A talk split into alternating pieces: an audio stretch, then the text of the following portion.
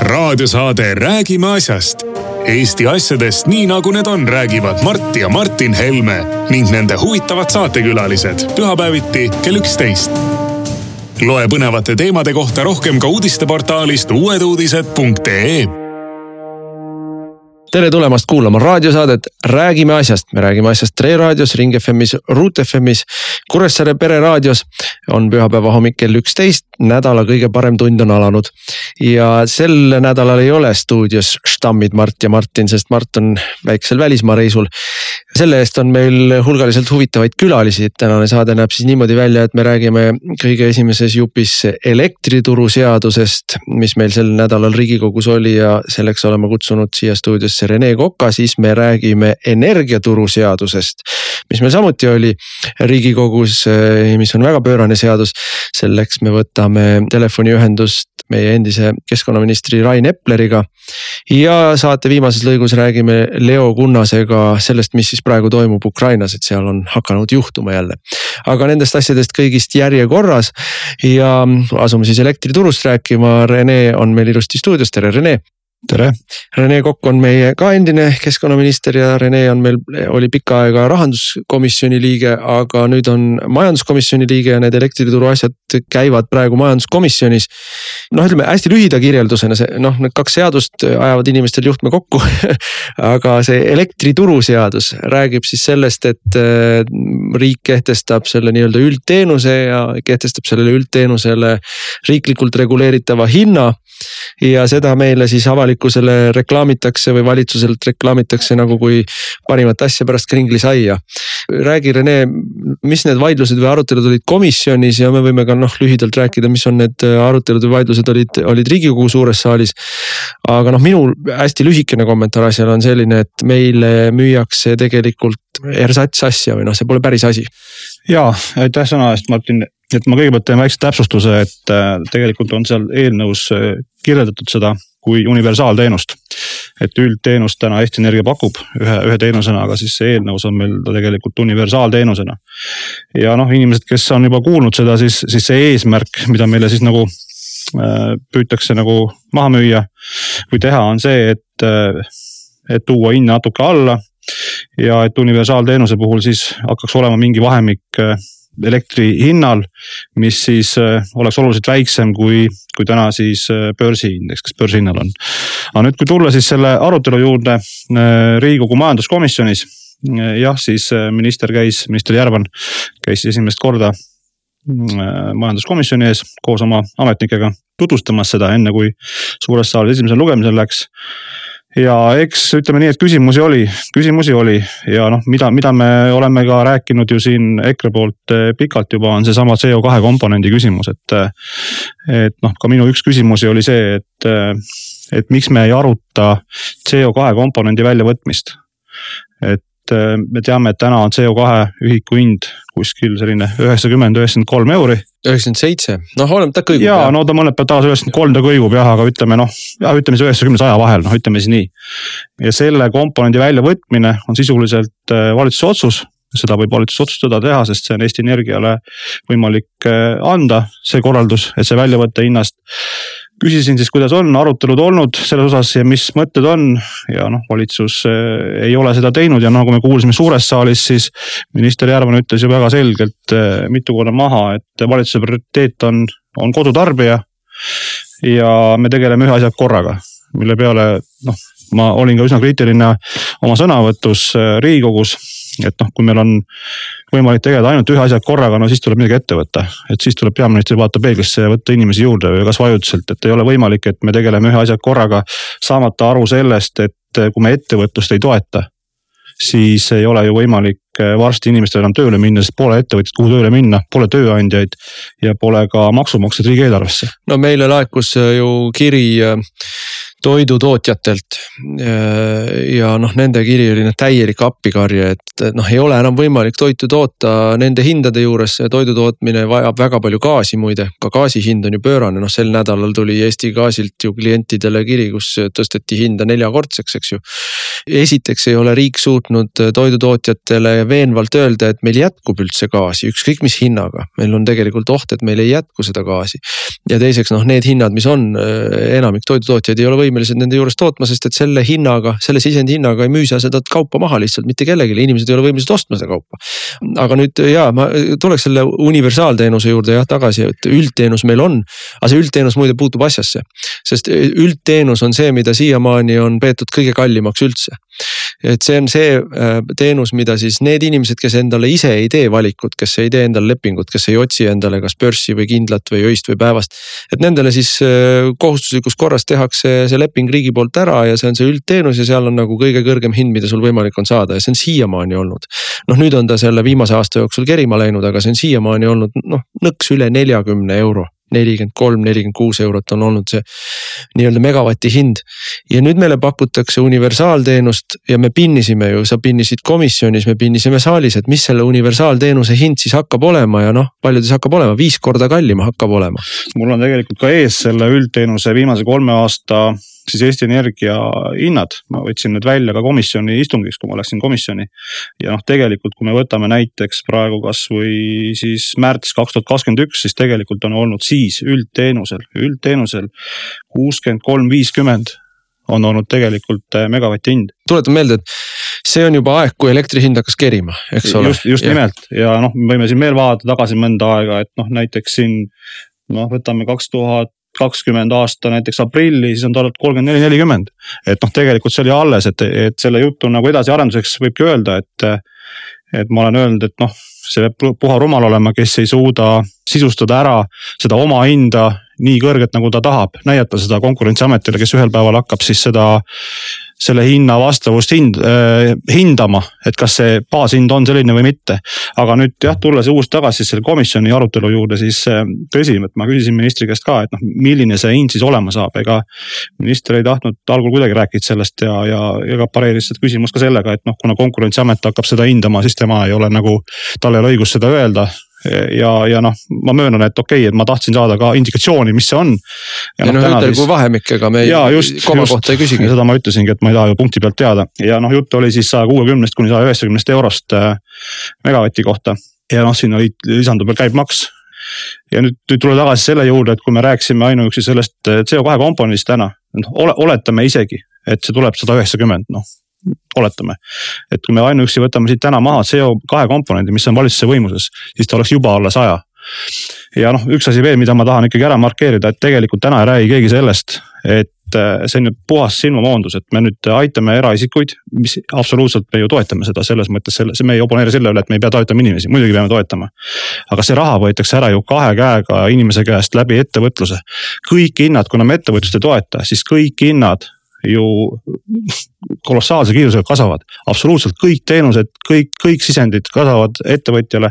et tegelikult võetakse see raha inimese käest ära ja käibemaksu pealt me saame ju kõik ise aru, et kes käibemaksu võtab veel riik selle pealt, nii et noh, tegelikult. tegelikult see, et me ei tegele täna ettevõtlusega, see on kuritegelik. ja absoluutselt, ma noh, toon siia jälle, jälle näite, et need toidutootjad saatsid meile kirja, kus nad tõid näite, et juustutootja sai siiamaani toota äh, juustukerasid kaksteist tükki selle elektrikogusega, mida ta osta sai. ja nüüd selle elektri hinna tõusu tõttu saab ta selle noh, sama raha eest saab ta toota kaks kerajuustu kümme kera juustu jääb tootmata, aga, aga sama raha kulub ikka. et noh, jagame siis nende ülejäänud müümata jäänud kümne juustukera kulud selle kahe juustukera peale ära ja noh, see juust muutub meile kallimaks kui kuld. noh, ta ei ole lihtsalt enam müüdav, noh, sul on raha maitse karjub hamba all, kui sa seda juustu hakkad sööma. ja, ja noh, see on ju kõikides valdkondades niimoodi. mul on nagu ka kaks põhikriitikat sellele universaalteenusele, esimene põhikriitika on see, mida sa ka nüüd oled mitu korda öelnud, et ettevõtjad on täielikult külma käes. ettevõtjatele ei tulda mitte millegagi appi, eraisikutele noh, fikseeritakse hind ja veel tehakse mingisuguseid toetusi, aga ettevõtjatele mitte mitte midagi, mitte üldse mitte midagi. ja see tähendab absoluutselt kindlalt pankrotilainet, see tähendab töö, tööpuuduse kasvu, see tähendab maksulaekumiste kasvu, nii tööjõumaksud ehk siis sotsiaal ja tulumaks kukuvad pildist ära kui käibemaksud, sest noh, lihtsalt ettevõtetel pole, nad ei müü enam midagi et noh, siin, siin noh, me liigume ikkagi väga-väga tõsise majanduskriisi suunas ja seda kinnitab muide meile ka rahandusministeeriumi ja Eesti Panga prognoos, kes ütlevad, et aasta teises pooles me juba oleme majanduslanguses. Isegi mitte prognoos, vaid juba praegune hinnang. nüüd teine pool on seesama, millest me räägime, universaal ja üldteenus, noh nende sõnade peale võivad noh, tavalisel inimesel jooksevad, ma ütlen juhe kokku, aga kui siiamaani müüdi seda üldteenust hinnaga nelikümmend eurot kolmkümmend eurot, noh, okei okay,, hinnatõusu alguses kuuskümmend eurot. ja siis meile öeldakse, et nüüd te saate siin nõks alla kahesaja, siis see on viie-kuuekordne hinnatõus ja see tähendab seda, et inimestel elektriarve noh, meil, meil, meil need numbrid lendavad siin neli tuhat eurot megavatt, nelisada eurot megavatt, no siis öeldakse, oo, te saate päris odavalt saja kaheksakümnega. aga tegelikult see tähendab ikka seda, et sinu elektriarve kasvab viis korda viis korda. Ja, ja noh, igalühel on ju silme ees need elektriarved, mis nad on siin saanud eelnevatel aastatel, et korrutage viiega. ma olen päris palju rääkinud inimestega, et oo, ma elan korteris, noh, mu elektriarve oli kolmkümmend eurot on keskeltläbi, no aga korrutage viiega see. sul tuleb ainuüksi elektrikomponent selle nii-öelda korteri pealt sama suur, kui sul siiamaani oli kogu kommunaalide arve. aga kommunaalide arve ei jää ju ka paigale, sellepärast et äh, kogu küttesüsteem vajab ka elektrit. meil on väga palju gaasiga äh, ja, ja kombineeritud ja, ja igasuguseid, noh, kõik see vajab elektrit, et see, see läheb nagu ikkagi mitmekordseks.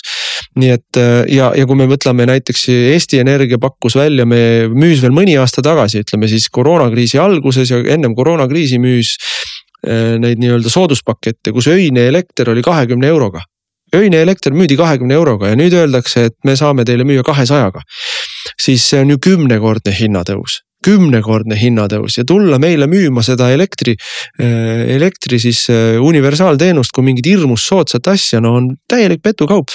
ja üks osa sellest petukaubast muidugi on see, et sealt ei võeta CO-d välja, sest äh, CO, CO, CO2 hind on noh teinud läbi viimase aasta pooleteise jooksul tohutu hüppe. põhjus on väga selge, Euroopa Liit korjas kokku tohutu koguse CO kogust, CO2 kogust ehk siis seda nii-öelda kaubeldavat kaupa nipsust laest otsustas, et enam ei ole nii palju, kui ma õigesti mäletan, vähendas kuskil seal kolmkümmend viis protsenti seda kogust. ja samal ajal laiendas CO2 kogus äh, siis ostukohustust tervetele uutele sektoritele, transpordisektor, põllumajandussektor, nii et noh, tekitati puhtalt väljamõeldud kaubale Äh, puhtalt bürokraatlike lükkega tekitati tohutu kaubadefitsiit. ja seda nüüd me paneme kõikidesse hindadesse, et noh, see on, see on minu meelest täielik silmamoondus. ja, ja noh, ega noh, ma ei tea, minu meelest me ei hääleta sellele eelnõule vastu, eks ole, noh, sest et noh, siis, siis me, meid hakatakse süüdistama selles, et me ei taha inimesi aidata, aga ma ei näe ka erilist põhjust seda eelnõud eriti toetada, sellepärast et. me kindlasti teeme sinna parandusettepaneku selle CO2 komponendi neutraliseerimiseks, noh kohe saaks enam-vähem sada eurot tüki odavamaks. aga noh, ma võin juba ettekindel olla, et see ei lähe läbi ja no ma, sa tõid välja selle hinna siin, mis oli üldteenusel nagu see, see mõistlik hind siin omal ajal.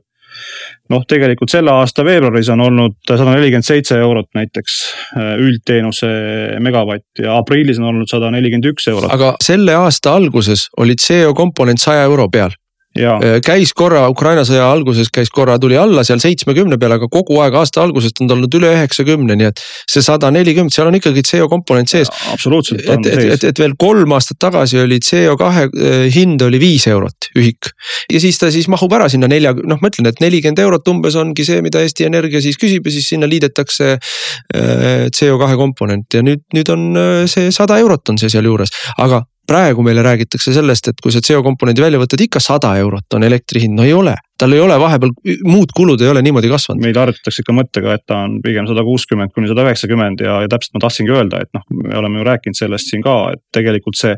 see Eesti Energia oma, oma hind on seal noh, ütleme neljakümne ja kuuekümne vahel, et, et siis kus, kuskil sinnakanti ta on. oleneb, mida sa sinna oma hinda juurde paned, ma ütlen veel kord, tootmishind on kahekümne kandis, kui sa paned üldkulud, amortisatsioonid, investeeringud ja veel juhatuse preemiad ka sisse, noh, okei okay,, siis, siis tuleb juurde. ja Martin, ma, ma olen läbi huumoriprisma ütel, ütelnud ja ütlesin seda ka komis-, majanduskomisjonis, et äh, ma, ma kindlasti ei alahinda tublisid Eesti Energia inimesi. kes Konkurentsiametile ei suudaks ka oma hinda ära, ära nagu tõestada kaheksakümmend või üheksakümmend eurot, mida nad peavad saama, et noh, selles mõttes tahtes mitte liiga teha, aga, aga me saame kõik aru, et eh, kes on ka ettevõtlust tegelenud, et eks see kõik on nagu äh, siis mängimise küsimus ja, ja, ja kuidas seda näidata, eks. aga noh, tõsi, et kui me räägime ikkagi sellest eh, noh, neljakümnest kuni kuuekümnest eurost ja, ja sellest üheksakümnest ja sajast eurost, mis on CO2 komponent. siis noh, riigi tahte puhul on see võimalik teha ja, ja jätkuvalt ma ütlen, see käibemaks, mis võetakse ettevõtjatelt ja, ja, ja eraisikutelt kõik, mis me maksame kõikide oma igapäevaste teenuste, toidu, kõigi, kõige pealt, mida tarbime. Need need laekumised on kolossaalselt suuremad kui muidu on, et, et need on. no Eesti Energia kasum täpselt samamoodi. absoluutselt. et ei selle kahesaja eurose või saja kaheksakümne eurose universaalelektri pealt teenivad nad roppu kasumit jätkuvalt ja see on kahesaja eurone. aga nad ju müüvad elektrit ka nelja tuhande euroga vahepeal ja viiesaja, kuuesaja, kaheksasaja euroga müüvad nad vahepeal, et noh, see. see kasum, mida nad noh, ütleme see raha, mida inimestelt ja ettevõtetelt ära võetakse elektriarve kaudu ja mis jõuab kõik riigile, jõuab läbi Eesti Energia kasumi jõuab läbi käibemaksu, jõuab läbi CO2 kvoodi müügi. me räägime ikkagi sadadest ja sadadest miljonitest iga nende konkreetse selle nii-öelda kulurea puhul. nii et noh, see on õudne, aga ma küsin siin selle teema kokkuvõtteks, et kas nagu komisjonis oli näha, et koalitsioonisaadikud või, või minister nagu saavad aru sellest, kui suures hädas on ettevõtjad? Kas see nagu kuidagi üldse nagu noh, pupill liigub? ma tahaks loota, et, et ikkagi nagu minister saab aru, aga noh, tõsi, tõsi on see, et ma konkreetselt küsisin seda ka komisjonis, et eh, kuidas, kuidas käib, millega tegelete seal. või mis tegevused pooleli on, noh siis, siis vastus oli selline, et tegeletakse ja läbirääkimised käivad. Ja see oligi vastus, läbirääkimised käivad, oli vastus sellele, et, et mis ettevõtjatega täna no, nagu Eesti jooksul on. Ronald Reaganil oli surematu ütlus omal ajal, et äh, mis on nagu vasakpoolsete lähenemine ettevõtlusele, et kui ta liigutab, siis maksusta, kui ta ikka veel liigutab, siis reguleeri, kui ta siis ära sureb, siis subsideeri. et noh, minu meelest meil on täpselt selles suunas läheb, et las kõigepealt ettevõtjad surevad ära, lähevad pankrotti ja vot siis me hakkame nuputama, kuidas neid subsideerida, aga noh, ega surnud hobust uuesti jalgadele ei peksa kui sul ikkagi noh, noh kirjutavad, helistavad ettevõtjad, kes ütlevad, ma olen kolmkümmend aastat tegelenud, ma olen elanud, ela, üle elanud masud, ma olen üle elanud Vene kriisid, ma olen üle elanud koroonakriisid. nüüd ei saa enam hakkama, et see elektri hind lihtsalt, me paneme uksed kinni. siin ei ole nagu võimalik, et ootame, vaatame, mis kevadeks järgib, kevadeks on surnuajal on hea vaikne noh, minu meelest on täpselt nii aga noh, ma pean veel selle ka ikkagi ära mainima, et noh, et loomulikult seda keegi ei taha väga rääkida, aga ikkagi üle-eelmise valitsuse otsus, et tuhat megavatti äh, reservi jätta ja kohustust teha Eesti Energiale, mille vastu meid tohutult rünnati äh, et me ei saa aru siin rohepöörde vajalikkusest ja nii edasi ja, ja kõik, kõik mida. Ja õlitehase Äh, siis rajamise otsus. et noh, selles mõttes äh, ainuõiged otsused, äh, mis, mida me ka siis tegime rääkisime. ja tegelikult täna, tänases vaates ainuõiged otsused ja kindlasti tuleb hakata investeerima, mida ma olen rääkinud ka mõlemale majandusministrile. et tuleb hakata kas uuendama, aga tegelikult tuleks parimat võimalikku tehnoloogiat arvestades hakata rajama uusi energiaplokke. ja mul ei ole midagi selle vastu, et tulevikus, kui me ühel päeval, kui see päev koidab, oleme sealmaal, et me võime need jätta reservi, no siis jätame reservi, kui Rootsi võtab reservist välja põhimõtteliselt äh, diisel töötavad generaatorid, siis kui häda käes on.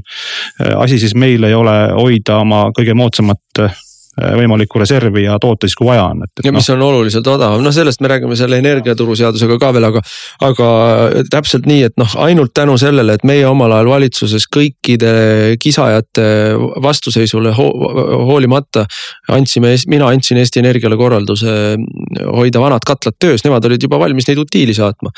Siis on meil üldse mingit elektrit ja, ja, ja, ja, ja saame rääkida sellest, et me suudame iseennast ära varustada. muide jah, hirmus vihal ajas, kui Riina Sikkut rääkis sellest, kuidas eh, kapitali ei ole, et investeerida Eesti Energia eh, noh järgmistesse võimsustesse. aga tegelikult ei vasta see tõele, et meie valitsus eh, rekapitaliseeris Eesti Energiat selle jaoks just nimelt, et ta saaks teha sedasama fossiilkütust, õlitehast. ja turult oleks saanud muidugi ka seda raha, aga oleks olnud kallim, aga valitsus võttis laenu, sai odavalt ja, ja pani selle sinna sisse, nii et saab, kõike saab, kui tahetakse. nii, Rene Kokk, meie erakonna endine keskkonnaminister ja praegune majanduskomisjoni aseesimees. andis meile ülevaate siis sellest elektrituruseadusest, aitäh sulle, Rene ja jätkame võitlusi aitäh. raadiosaade Räägime asjast. Eesti asjadest nii nagu need on, räägivad Mart ja Martin Helme ning nende huvitavad saatekülalised. Pühapäeviti kell üksteist. loe põnevate teemade kohta rohkem ka uudisteportaalist uueduudised.ee jätkame nüüd saadet, nüüd me võtame telefonile Rain Epleri, kes on meie erakonna endine keskkonnaminister ja on ka ühtlasi äh, elektrituru äh, asjad endale väga selgeks teinud sellest ajast, kui ta oli rahandusministeeriumis minu nõunik. Äh, Rain, meil oli selle nädala kolmapäeval energiamajanduse korralduse seaduse muutmine riigikogus, et see eraldi oli elektrituruseadus, mis tegeleb siis selle nii-öelda hinna fikseerima, aga energiamajanduse korralduse seadus tegeleb siis Eesti kogu energiamajandusega ja see seadus ei ole pikk ja keeruline, aga ta on selle eest ülimõjukas, et kui Eesti tänane koalitsioon kokku sai ja ütles, et me tegeleme nüüd elektrituru reformiga. siis see, et tehakse kahesaja eurone universaalteenus, ei ole elektrituru reform. see, et Eestile seatakse eesmärgiks ja nüüd kirjutatakse seda seadusesse sisse selle eelnõuga. et kogu meie elektritarbimine peab olema taastuvenergiast ehk põhimõtteliselt päikesest ja tuulest. ja kogu meie energiatarbimine peab olema kuuskümmend viis protsenti, noh energiatarbimine on ka kütmine ja transport ja kogu see. noh, siis see on absoluutselt revolutsiooniline ja ma tahan eraldi veel sissejuhatavas osas öelda ära, et see on äh, hullumeelselt äh, revolutsiooniline selles mõttes, et ei Euroopa Liit oma erinevates eesmärkides ega ükski teine Euroopa Liidu liikmesriik mitte üheski oma dokumendis nii pööraseid eesmärke ei sea, et seitsme aastaga täiesti roheline elekter, et see noh, ei ole lihtsalt minu arusaamist mööda ühelgi moel praktiliselt teostatav, aga ainuüksi selle proovimisel on katastroofilised tagajärjed nii majanduslikus mõttes kui ka kõikides teistes sotsiaalmajanduslikus mõttes, et, et ähm, ma noh võib-olla viskaks lihtsalt sulle palli, et mismoodi sina seda, seda eesmärki sada protsenti loed ja, ja mis mõtteid see sinus tekitab? ja aitüma, no kõigepealt sissejuhatuseks ma ütlen nii palju, et kui ma esmaspäeval vaatasin, ähm, et millal täpselt siis erakorraline istung toimub, võtsin Riigikogu veebilehe lahti ja siis nägin, et seal ei olegi ainult üks punkt, mis on see niinimetatud energiaturureform, äh, mille osas ma olen sinuga täiesti nõus, et seal mingit reformi ei ole ja aga sellel me pikemalt ei peatu. Ja siis ma oma üllatuseks avastasin, et äh, päevakorras on ka teine punkt, seesama energiamajandus ja eesmärkide seadmine aastaks kaks tuhat kolmkümmend kui ma selle lahti võtsin ja vaatasin tõesti, et seal kirjutatakse nüüd et, et sada protsenti elektrit eh, taastuvast ja kuuskümmend protsenti kogu energiatarbimisest taastuvast, siis silmad läksid ausalt öeldud suureks ja te, ja tekkisid mitu küsimust. esimene küsimus loomulikult, et kui me praegu erakorraliselt kutsume Riigikogu kokku, et püüda aidata inimesi sel saabuval talvel, siis see on arusaadav, aga mida erakorralist on selles, et kahe tuhande kolmekümnendaks nüüd hästi kiiresti uued ja ma ütleks ebarealistlikud utoopilised, ulmelised eesmärgid seada. ja teine asi, mis mind nüüd uudiseid vaadates noh, kas ta just üllatas, aga ma panin seda tähele, et ei meie suurtes eraportaalides ega ka riigimeedias sellest räägitud ühtegi sõna. näiteks AK-s ei mainitud isegi seda ja tegelikult oli tegemist asjaga, mis tõesti meie elu hakkab siin lähikümnendil nagu väga oluliselt mõjutama ja ma ei näe milline see positiivne mõju seal võiks olla, et. Äh, ma pidasin kõne Riigikogus, noh, kuna see oli õhtul kell pool kümme, eks ju, siis äh, ja. Äh, ma saan aru, et sama päeva uudised seda enam ei kajastanud, aga tegelikult oleks võinud neid uudiseid järgmistel päevadel seda kajastada ja, ja minu.... just seda ma silmas peangi, et istungi lõppes, eks ole, seal midagi peale poolt kümmet, arusaadav, et nii-öelda kolmekümne esimese augusti uudistesse jõudnud, aga esimese septembri uudised pidanuks tegelikult noh, täis olema esikohal äh, infot selle kohta, aga, aga oli vaikus. ja mu põhisõnum, mis noh, soovitan järgi vaadata uutest uudistest või, või ka Facebookis on see minu sõnavõtt. mu põhisõnum on see, et kui me tegelesime esimeses päevakorrapunktis paanika, paanika, paanika, elektriturg on äh, hulluks läinud, elektrihinnad on hulluks läinud, vaja on inimesi aidata. siis meie teises seaduses tegeleme sellega, et kõike, mis on hulluks läinud, ajada kiirkorras ja noh, marsisammul veel hullemaks kordades hullemaks ja, ja sellest keegi ei räägi. mul oli mitu, mitu nagu erinevat iva. Äh, selle jaoks, et üldse ehitada neid võimsusi, läheb, no ma pakun vähemalt viis miljardit, vähemalt viis miljardit, et kui me räägime näiteks sellest Liivi tuulepargist, Liivi tuulepark pakub nominaalis, nominaalis, see on oluline ära märkida. ehk siis justkui noh, paberi peal pakub viiskümmend protsenti Eesti elektritarbimisest, selle jaoks on vaja ehitada kuussada tuulikut, need tuulikud mõõdikud on kõik sama suured, kui on äh, Tallinna teletorn. ühe Tallinna teletorni ehitamise CO2 jalajälg, betoon, metall, äh, siis plastikust ehk naftast tehtud labad on sama suur kui meie aastane CO2 heide. ehk me siis saame kuuesaja aasta CO2 heitme, et teha nii-öelda CO2 vaba elektrit, aga selle hind. noh, mina arvasin, et on kaks pool miljardit, siis tuli Anneli Akkermann, kes ütles, et on kolm miljardit ja see on ainult ehitamise hind, võrguhind tuleb juurde, võrk selle jaoks, et võrk oleks üldse võimeline tegelema selle kõikuva ebastabiilse elektriga.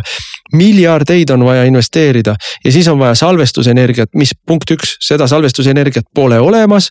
teiseks selle ehitamine, noh, toome jälle näite, meile räägitakse tohutult. jälle miljardid. räägitakse sellest samast pumplast ehk siis vee ülesmäge pumpamisest, mis siis peaks aku, akumuleerima ja siis, kui elektrit ei ole, siis laseme vee alla voolata ja tekib siis nii-öelda väike hüdrojaam. selle ehitamine maksab viissada, kuussada miljonit ja see katab ära neli protsenti akumuleerimisvajadusest, noh, et, et need, need on need suurusjärgud ja siis räägib meile Riina Sikkut. noh, noh, noh, noh minu meelest täiesti sõge aga noh, see selline noh läl, lälisev jutt sellest, kuidas ei, aga meil on põllu peal päikesepaneelid. Et selle ühe päikesepaneeli park, mis tekitab meile seal mõne, mõned kilovatid, eks ole, või mõned kümned kilovatid. ja me küsime talt, võrku ühendamise hind on kuus-seitse miljonit ja me räägime kümnest teravatist. et need on nagu, ma ei tea, sada korda, tuhat korda suuremad vahed. ja kõige noh, ütleme traagilisem selle asja juures on see, et ükskõik kui palju sa seda tuule ja päikese tootmisvõimsusi ehitad, kui sul detsembris või veebruaris on eh, miinus kakskümmend viis kraadi, eh, siis tuul ta ka tavaliselt ei puhu ja siis sul sõltumata sellest, kui palju neid võimsusi on, kasu neist pole sul sellel hetkel mitte midagi. ehk et see on nüüd see koht, kus minu arust toimub esimene silmamoondus, et liidetakse kokku numbreid aga tegelikult need numbrid ei ole liidetavad, ehk et noh, meile öeldakse, et tipuvõimsused me katame juba täna ise ära, sest meil on seda soojuselektrijaamade võimsust seal niisugune tuhat nelisada megavatti kuskil ja siis on viissada tuult ja kolmsada päikest. et siis öeldakse, et justkui kui neid numbreid liita, aga tegelikult äh, nende liitmine noh, ei ole adekvaatne, sellepärast et sellel hetkel, kui see tipukoormus on ehk et äh, külmadel talvepäevadel ja, ja eriti öödel ei ole sellest tuulest ja päiksest midagi kasu no talvel eraldi, noh, mina olen äärmiselt vihane selle kogu selle päikesepaneelinduse peale, siin on erinevad mitu põhjust, üks oli see, mida Riina Sikkut, kui ta meile seda. meie suurepärane sotsist rahandusminister, kui ta meile siis seda seaduseelnõu tutvustas, siis ta pidevalt tuli tagasi selle jutuga, et meil on mingid õiged päikesepaneelid ja meil on mingid valed. ja, ja noh, tegelikult see, mida ta meile seal läbi lillede ütles, on see, et nemad omal ajal sotsid ise kirjutasid seaduseelnõusse koos majandusministeeriumi ametnikega sisse väikese vimka. ehk et siis mm -hmm. päikesepaneelid paneelide eest saab hakata riigilt dotatsiooni küsima, no riik noh, kust selle raha võtab, võtab tarbija taskust. aga see dotatsioonide saamine ja sellest ainult ela, elad ära, paned püsti päikesepaneeli, see ei pea sul midagi eriti tootma, aga sa saad dotatsiooniga rikkaks. ja, aga ainult siis avastasid kõik inimesed, et niimoodi saab ju raha teenida ja tekkis meil tohutu buum. nii nüüd on juhtunud, nüüd on juhtunud mitu asja, esimene asi on see, et meil on neid päikesepaneele palju. ei jätku selleks dotatsiooni, ei jätku võrguvõimsust ja, aga meile valetatakse, et oi, kui palju meil meil on päikesepaneelide nii-öelda nominaalvõimsust ja mida ei öelda sinna on see, et päikesepaneelid oma nominaalvõimsusest toodavad päriselt, reaalselt umbes kümme protsenti, tuul toodab reaalselt kuskil kakskümmend noh, viis protsenti. Et äh, meretuul toodab reaalselt kuskil seal nelikümmend protsenti heades mm -hmm. kohtades rohkem, ehk siis kui su nominaalvõimsus, kui jälle Anneli Akkermann tuli ja parandas mind läbirääkimistel riigikogus, ütles, et ei ole veerand Eesti võimsusest mere, meretuulepark on pool. tema räägib nominaalsusest sest kui me selle poole pooleks teeme, siis ongi veerand. ja, ja nii ja tegelikult äh, kui ma selle asja üle mõtlesin, siis, siis äh, ma, mulle tundub, et selle asja taustal on, kui me räägime nüüd ütleme energeetilisest efektiivsusest, see, see on siis, kui sa ei mõõda asju rahas, vaid mõõdad selles, et kui palju energiat sa pead investeerima, mitu kilovatti sa pead kulutama, et saada väljundiks mingi, mingi teine arv kilovatte, siis, siis noh, päikese puhul, päikeseenergia puhul on see, on see koefitsient kaks kuni neli ehk et kui sa ühe kilovati kulutad, siis sa saad tagasi kaks, heal juhul neli. tuulel on see seal kusagil, ütleme, viieteistkümne kandis. Eh, võrdluseks tuumaenergeetikal seitsekümmend viis, põlevkivil kolmkümmend viis, nelikümmend. Ehk et, eh, ehk et täna on juhtunud selle rohepöörde egiidi all see, et energeetiliselt on asi ühtpidi ja rahaliselt läbi administratiivsete regulatsioonide on asi teistpidi. ehk et täna me näeme, et pangad noh, juba läbi kesksete regulatsioonide suunatakse mitte raha andma fossiilsetele kütuste, eks ole, arendamisele. ja, ja teisipidi on igasugused toetusskeemid, subsiidiumid, maksuerisused ma räägin siin Euroopast ja kogu maailmast, mitte ainult Eestist, eks ole, on, on siis seal tuule ja päikese juures. Ja, ja noh, mina väidan, et kui see asi läheb selles, sellises mõttes pahupidi, et energeetiliselt on ühtpidi ja rahaliselt teistpidi, siis selle vahekulu peab ühiskond kandma ja see, ja see on, see on ekstra kulu. küll aga kusagil on ta suur äri. noh, ja mis siis, kui see jutt nüüd nagu lihtsustatult öelda, siis on nii, et on väike grupp, kuhu raha voolab ja on, on ütleme terve kodanikkond ja, ja ette, ettevõtjaskond, äh, kust see raha voolab. Et äh, noh, kui siin võtta näiteks Saksamaa näide, kes on, kes on energiapöörde eest siin aastaid mm, rohelistelt palju kiita saanud, et oi kui tore, päästavad maailma, lähevad, muutuvad roheliseks, et. et noh, Saksamaa numbrid on sellised, et alates seal kahe tuhandendast, kahe tuhandendate algusest paarikümne aasta jooksul on kulutatud kolmsada kuuskümmend miljardit energiapöördeks kusjuures esimestel aastatel olid numbrid väiksemad, nüüd on viimastel aastatel on aastane kulu olnud kuskil nelikümmend miljardit. see on rohkem kui terve Eesti skp. ja absoluutselt palju rohkem ja sellega on sakslased saavutanud seda, et nende tootmisvõimsused ja nüüd me räägime selles mõttes noh, ütleme nominaalsest tootmisvõimsusest, eks ole, on äh, praktiliselt kahekordistunud ehk et on äh, saja viieteistkümnelt gigavatilt installeeritud võimsustelt jõutud äh, üle kahesaja kahekümne gigavatini et justkui hurraa ja topelt, aga kui me vaatame energiatoodangut, mida need võimsused toodavad, siis see on jäänud samaks. viiesaja kaheksakümne seitsmelt on jõutud viiesaja üheksakümne kaheksa teravatt-tunnini. see tegelikult näitab seda, et on, on ehitatud kaks paralleelsüsteemi, kusjuures see üks võiks katta ära aasta ringi vajadust, aga nüüd on ehitatud juurde teine, aga see teine, vähe sellest, et ta on, eks ole, ebastabiilne ja, ja ainult ja perioodil kasutatav ja palju kallim lisaks see teine toob kaasa meeletud lisakulud, noh, seesama, mis sa mainisid, võrguarendus, eks ole. noh, ja siin räägitakse tulevikus salvestustehnoloogiatest ja kõigest muust, aga seal jällegi nagu täna reaalselt eh, toimivaid, eh, toimivaid lahendusi ei ole ja see tähendab seda, et Saksa inimesed ja ettevõtjad elavad täna riigis, kus on, no võib öelda, maailma kõige kallim elektri hind eh, see on mitmekordistunud nende paarikümne aasta jooksul ja, ja nüüd, kui meie kuulame seda enda juttu, mida ma lugesin stenogrammi sellesama Riigikogu erakorralise istungi stenogrammi, siis, siis ikkagi kogu aeg käib läbi see, et tuul ja päike on tasuta. noh, tuleb tasuta ja, ja ka sellest toodetud elekter on odav siis tegelikult see nii ei ole, aga see silmamoondus seisneb selles. see on, see on jõhker vale, see on jõhker ja, vale tegelikult. ja nüüd teine asi, eks ole, on huvitav, mis, mis on nüüd hakanud juhtuma nende nii-öelda taastuvenergia oksjonitega, sealt justkui tuleb pakkumisse noh, ütleme soodne hind, eks ole, siin viimased oksjonid olid seal kaheksateist kuni kolmkümmend midagi mm, megavatt-tunni eest. aga me peame arvestama seda, et kui nüüd neid parke sinna merre pannakse tohutu hulk, siis ühel hetkel, kui see tuul hakkab puhuma, siis ei ole seda elektrit nii palju kellelgi vaja, teda on tohutult üle ja tegelikult ta on noh, mõnes mõttes võib öelda nulli või negatiivse hinnaga.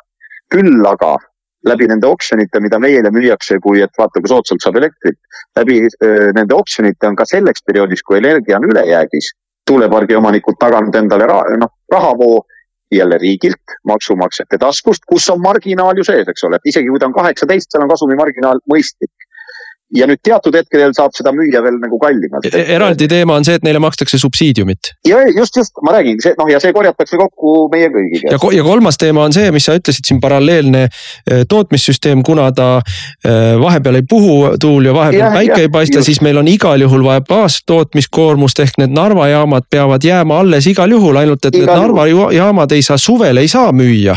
ja siis ja. talvel ja seisavad, aga kulud ju jooksevad, sul on ju ja. eh, mitte ainult need tehasetöölised ei ole tööl, aga kogu masinavärk ju peab tööl olema, ega siis juhtkond tahab palka saada ikka, eks ole. aga siis ta peab talvel seda olema võimeline tootma ja siis ta talvel müüb sulle lihtsalt selle hinnaga, mis ka kogu suvekulud äh, ära katab, ehk siis lähebki kallimaks just, aga, aga nüüd, kui nendest eesmärkidest veel räägita ja sellest, noh, et tõesti, milline hullus ja millegipärast kiirkorras on nüüd rullitud. et kui me võrdleme sellesama Saksamaaga, kus täna sakslased ise ja, ja rahvusvaheliselt siin ajakirjanduses öeldakse, et see on läbi kukkunud enne energiapööre, eks ole, kahekümne aasta jooksul. kaks tuhat kuusteist eh, seisuga sakslaste eesmärgid olid, et kaks tuhat kolmkümmend oleks nende kogu energiast kolmkümmend protsenti ja elektrist viiskümmend protsenti taastuv.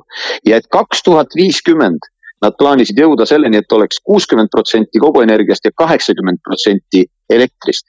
See oli siis kaks tuhat kuusteist seisuga ehk et see oli see, ütleme kolmekümne viie aastase perspektiiviga, sakslased mõtlesid, äkki jõuame kaheksakümne protsendi peale. meil tuli Riigikogu kokku ja ütles, et teeme seitsme aastaga sada.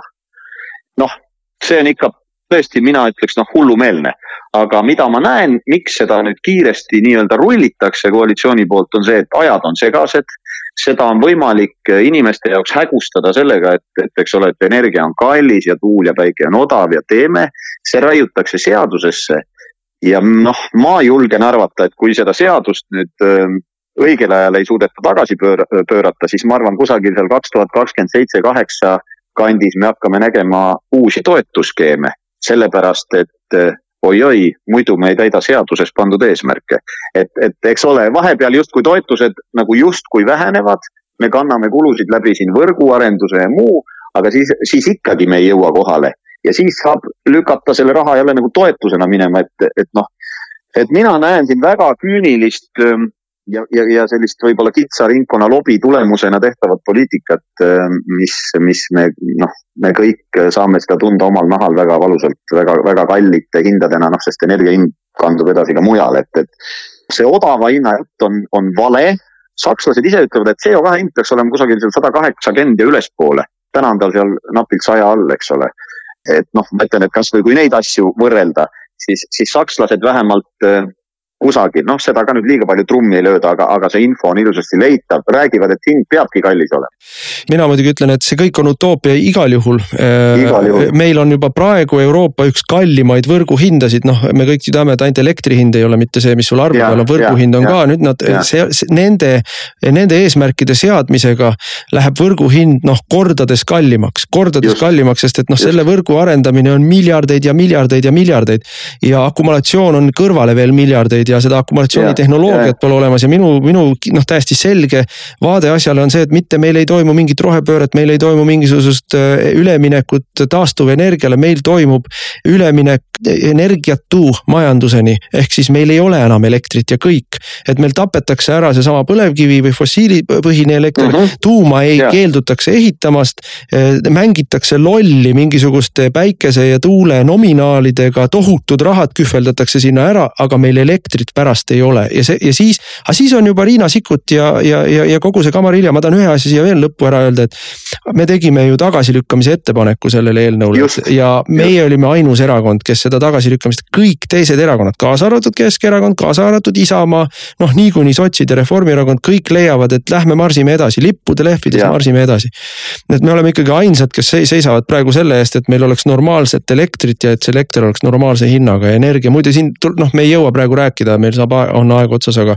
et noh, see tegelikult puudutab ju ka soojamajandust ja transpordienergiat, et see kõik, see on kõik noh hull, hullumeelsus, mis toimub ja, ja rääki, rääkides võrgust ja selle ehitamise võimekusest, et äh, jälle toon lõpetuseks veel ühe sak, numbrid Saksamaalt.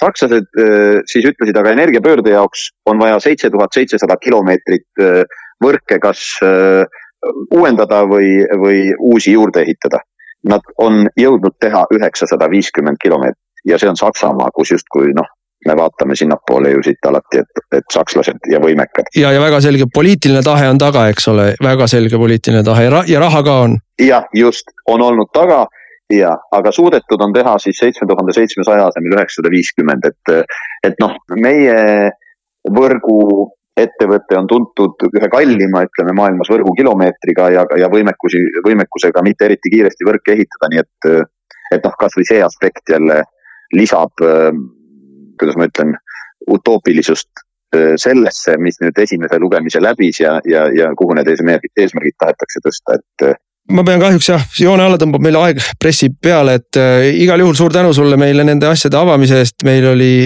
telefonil Rain Epler. aitüma. meie erakonna endine keskkonnaminister ja Võru volikogu äh, liige, aitäh sulle, Rain. aitäh. raadiosaade Räägime asjast.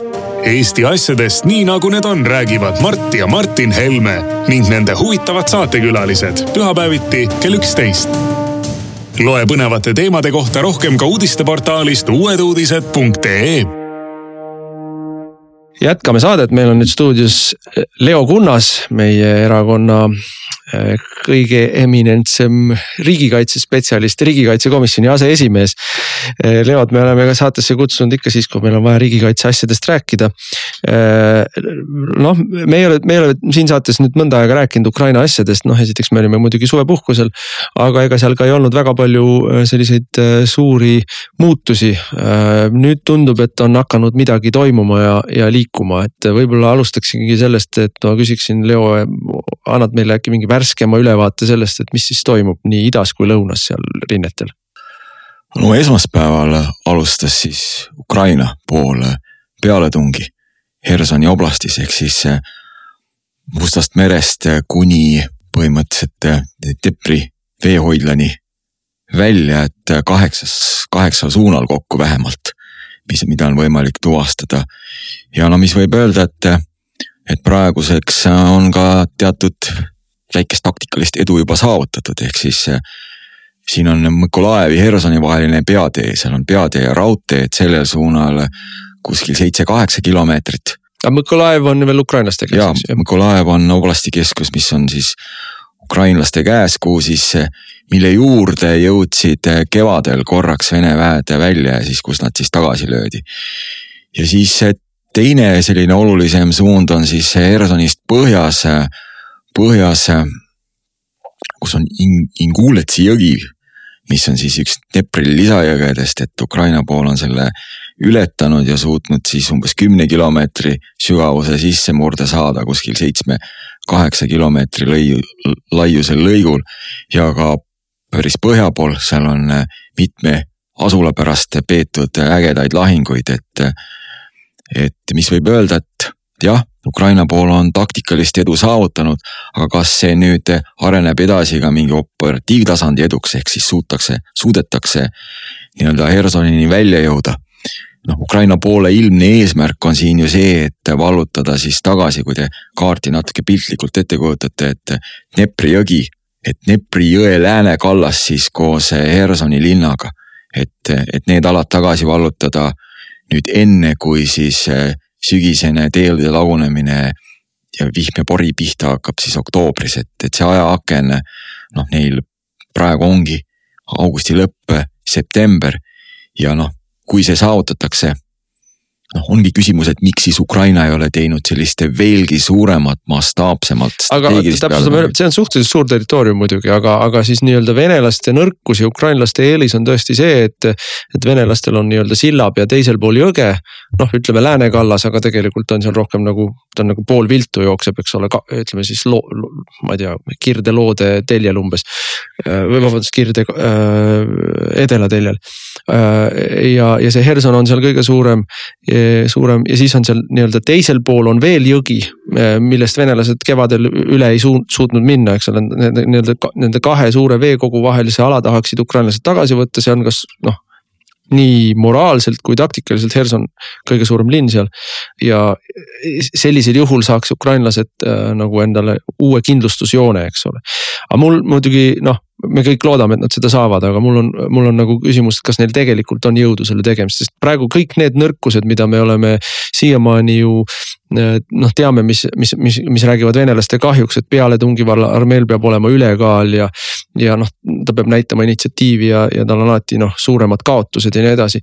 et need nõrkused nüüd pöörduvad Ukraina äh, kahjuks, aga teisest küljest venelaste nõrkus on see, et, et nad peavad varustama seda teisel pool jõge olevat ala ikkagi üle jõe ja suurem osa sildasid on hävitatud, et neil on seal äh, tegelikult probleem. ja noh, see on olnud loogiline, see pealetungi suund, ma olen ise ka kevadest peale tegelikult seda ennustanud, et kui ma ise pealetungi ette võtaks, et kus on see suund, kus ma üritaks edu saavutada. et tõesti, et, et Dnepr oleks nagu loogiliselt see rajajoon, kuhu me kõik loodame, et Ukraina võiks hilissügiseks välja jõuda, sest seda on ju palju lihtsam kaitsta, et, et siin Dnepr on, on, on lai, noh. Nende veehoidlate kohaselt põhja pool ta on veel laiem, laiem, aga, aga siin noh, näiteks needsamad kuulsad sillad, millest me oleme rääkinud, poolteist kilomeetrit sild. kui saab ikkagi kahjustada, siis tõesti ei ole lihtne varustada. et nii see, nii see olukord siin on, et lähema paari nädala jooksul saab selgeks, et mida siis Ukraina pool suudab saavutada, aga, aga noh, loomulikult need eeldused, mida tegelikult Ukraina vajaks suureks strateegiliseks pealetungiks, et kõik alad tagasi võtta, et need selles mõttes ei ole täitunud, et Ukraina noh, on isikkoosseisu poolest jõudnud ilmselt umbes kuskil seitsmesaja tuhande piirile ja ta on väga-väga otsustavalt suurenenud, suurendanud oma nagu relvajõude. aga noh, see eesmärk, mis oli miljon, noh sinnani veel tükk maad minna ja need üksused on ka ju vaja välja õpetada, varustada. ja noh, põhiprobleem on ikkagi see, et, et lääneriikidel ja ka lääne sõjatööstusel lihtsalt ei ole kapatsiteeti, et lääneriigid võiksid anda sellises ulatuses abi sõjalist, mida aga Ukraina kuidas Ukraina enda sõjatööstus on, nendel tegelikult ju oli ennem sõda korralik sõjatööstus. ja neil see ka mõnes mõttes töötab, aga teisest küljest see on saanud oluliselt kahjustada, sest see on olnud ka üks Vene poole peamisi sihtmärke. et ikkagi see, mis on Vene poole tuleulatuses, seda kõike nad on püüdnud ka, ka kahjustada. ja kahtlemata, no me, meil ei ole täpseid andmeid Ukraina pool ka loomulikult väga mõistlikult seda ei avalda, et palju siis Ukraina sõjatööstus on saanud äh, kannatada ja mis kapatsiteet neil üldse on endil praegu relvi ja laskemoona toota. Nad, nad seda muidugi teevad, aga noh, võib-olla ma toon ühe näite, et kui näiteks see suurtükiväe tulejõus, kui Vene pool on kasutanud iga päev kakskümmend kuni kuuskümmend tuhat mürsku, keskmiselt siis Ukraina pool suudab vastata no viie-kuue tuhandega. ja noh, isegi pärast seda, kui lääneriigid on äh, tarninud Ukrainale reaktiivlaskeseadeldisi koos siis seitsme kilomeetri raadiuse täppismoonaga ja ka täppismoona suurtükkidele ehk siis saja viiekümne viies, viie millistele nii, nii järelveetavatele kui liikursuurtükkidele, mida siis paljud riigid, kaasa arvatud ka Eesti on Ukrainale andnud, siis noh, see on natuke tasandanud nagu olukorda, aga, aga see puhas nagu tulejõu massi ülekaal on vahemikus viis kuni kolmkümmend kilomeetrit on, on ikkagi Vene poole käes, midagi ei ole teha. aga ma küsin sellist asja, et no kohe läheme Ida-Ukraina asjale juurde ka, aga et pealetungidel on alati ka oma riskipool, eks ole, et sa lähed, äh, sakslased ja venelased on sealsamas neljakümne esimesel aastal seda läbi elanud. et äh, kui üks pool läheb peale ja ei ole tegelikult selleks valmis, siis ta jookseb verest tühjaks ja on haavatav pärast seda, et kas seda riski poolt äh, noh, me näeme ka praegu, et kuidas seda Ukraina on nagu maandanud, et kui nad lähevad praegu pealetungile. noh, kulutavad ära noh suurema ressursi, kui oleks kaitses olemine. ja selle ja see ei ole edukas, muutuvad nõrgemaks. kas see, seal on ka see oht, et venelased sellisel juhul lähevad omalt poolt vastu pealetungile? või see oht on tegelikult minimeeritud just selle ajaakna tõttu. et mis see noh, kas ei või juhtuda seda, et Ukraina pealetung kukub läbi ja selle tagajärjel venelastel on lihtsam minna Lõuna-Ukrainat edasi rünnata seal? no isegi negatiivse stsenaariumi korral, kui Ukraina ei suuda oma peaeesmärki Hersoni rindel saavutada, ehk siis eh, jõuda välja Dnepri jõeni ja Hersonit tagasi vallutada, siis eh, ikkagi selleks ajaks on eh, oktoober-november käes ja Vene poole nii-öelda enda eeldused vastupealetungiks vähemalt sellel suunal ei ole, ei ole väga suured. ehk me näeme mõlemal poolel nüüd, nüüd alates aprillist, millal siis Vene pool alustas Donbassis pealetungi ja sõditud on nüüd mitmeid kuid suhteliselt staatiliselt, et, et need pealetungid ongi sellised, et, et edasiliikumist võib päevas mõõta sadade meetrite või parimal juhul mõne kilomeetriga, et need, need ei olegi sellised, sellised, kus võiks palju kiiresti saavutada ja seetõttu ka noh, mõlemad pooled nende pealetungide käigus üritavad vältida olukorda, kus neil liiga palju edasi tunginud väed võiksid omakorda kotti jääda, et, et, et, et, et on näha seda väga selgelt nagu ettevaatlikku nagu tegutsemist. Ja, ja, kogu see, kogu see mõlema poole pealetungid tegelikult on toimunud selles mõttes avatud kaartidega, kaartidega, et, et, et mõlemad pooled tegelikult näevad väga selgelt nagu teise poole kavatsusi, nende tegevust, et, et siin ei ole nii-öelda mingit üllatusmomenti siin nagu praktiliselt ei ole, et praegu on, ongi lihtsalt nagu materjali ja tahtevõitlus, mis siis käib, et, et kelle materiaalne ja moraalne pool mõlemad koos siis paremini vastu peavad. Aga korra räägiks siis äh, sellest ka, et üks põhjus minu arusaamist mööda, miks ukrainlased lõunas pealetungile läksid, noh, noh, needsamad põhjused, et võtaks tüki tagasi ja, ja see suurendaks moraali ja see oleks, parandaks nende kaitsejoont. noh, noh, ütleme kaitse oleks paremal joonel. aga teine põhjus minu meelest on see, et nad tegelikult ikkagi ukrainlased on just nimelt seal idarinde peal, Donbassis.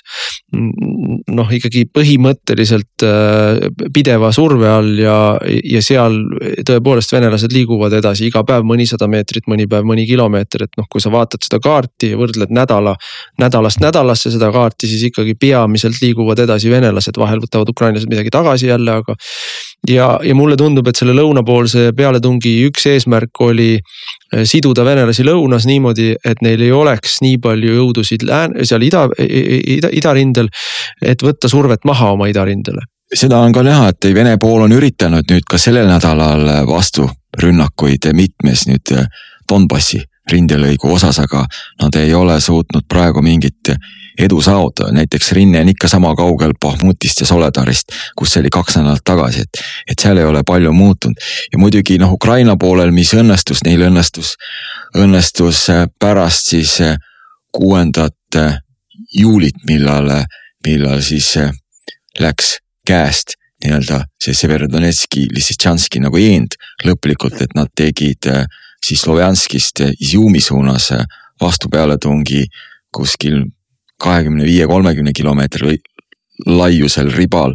ja neil õnnestuski peale tungida kuskil kümme kilomeetrit ehk nad, neil õnnestus siis rinnet lükata kümnekonna kilomeetri võrra siis Slovjanskist nagu põhjas, põhjas tagasi ja Vene pool omakorda proovis tagasi võtta seal positsioone, mis mõnevõrra õnnestusid, aga aga kaugeltki, kaugeltki mitte nagu täielikult ehk, ehk, ehk siin eh, loomulikult eh, Vene pool pidi, kuna nad ootasid ja oletasid ja ilmselt ka nende satelliitpilt näitas, et pealetung on tulemas.